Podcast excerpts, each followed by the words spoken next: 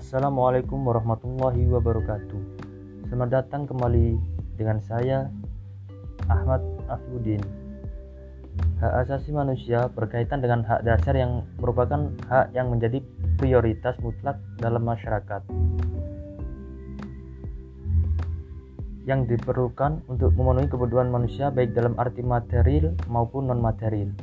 Namun, akhir-akhir ini marak terjadi pelanggaran HAM Salah satu contoh yaitu seperti yang kami diskusikan dalam studi kasus tersebut, yakni pernikahan pada usia dini.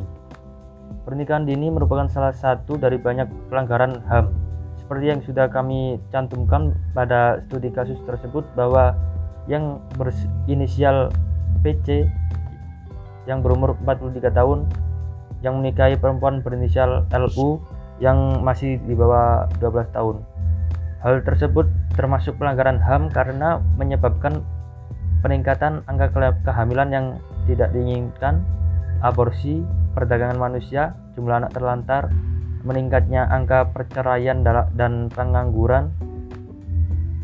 Singkatnya, pernikahan dini merupakan bentuk pelanggaran HAM, khususnya hak kesehatan reproduksi dan yang paling penting, pernikahan dini bertentangan dengan esensi ajaran agama yang intinya menghargai manusia dan kemanusiaan.